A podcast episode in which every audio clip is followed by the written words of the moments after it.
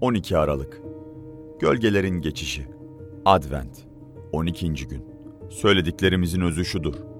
Göklerde yüce olanın tahtının sağında oturan, kutsal yerde, insanın değil Rabbin kurduğu asıl tapınma çadırında görev yapan böyle bir başkahinimiz vardır.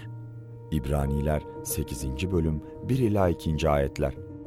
İbraniler kitabının ana vurgusu, Tanrı oğlu İsa Mesih'in yalnızca yeryüzündeki kahinlik hizmeti sistemi içerisine en iyi ve son kahin olarak gelmediği, ancak Golgota'daki hizmetiyle bizim için son kurban olarak ve sonrasında da göklerdeki son kahinimiz olarak bu sistemi tamamlayıp ona son vermek ve gözlerimizi tümüyle kendisine çevirmek üzere gelmiş olduğudur.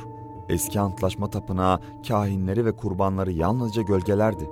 Şimdi ise gerçeklik giriş yaptı ve gölgeler silinip gidiyor. Çocuklara ve bir zamanlar çocuk olup çocukluğun nasıl bir şey olduğunu unutmayanlara yönelik şöyle bir advent canlandırması yapayım. Sizin ve annenizin bir markette birbirinizden ayrı düştüğünü düşünün. Korkmaya ve paniklemeye başlıyorsunuz ve nereye gideceğinizi bilmiyorsunuz.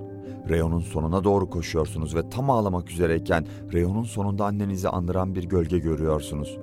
Bu da sizi gerçekten umutlandırıyor. Ama hangisi daha iyi? Gölgeyi görmenin yarattığı umut hali mi yoksa annenizin köşeden size doğru adım atması ve o gölgenin gerçekten anneniz çıkması mı? İsa'nın bizim baş kahinimiz olmaya gelişi de işte böyledir. Doğuş bayramı işte budur. Doğuş bayramı gölgelerin yerini gerçeğin almasıdır. Reyonun köşesinden annenin adım atması ve küçük bir çocuğun teselli ve sevinçle dolmasıdır.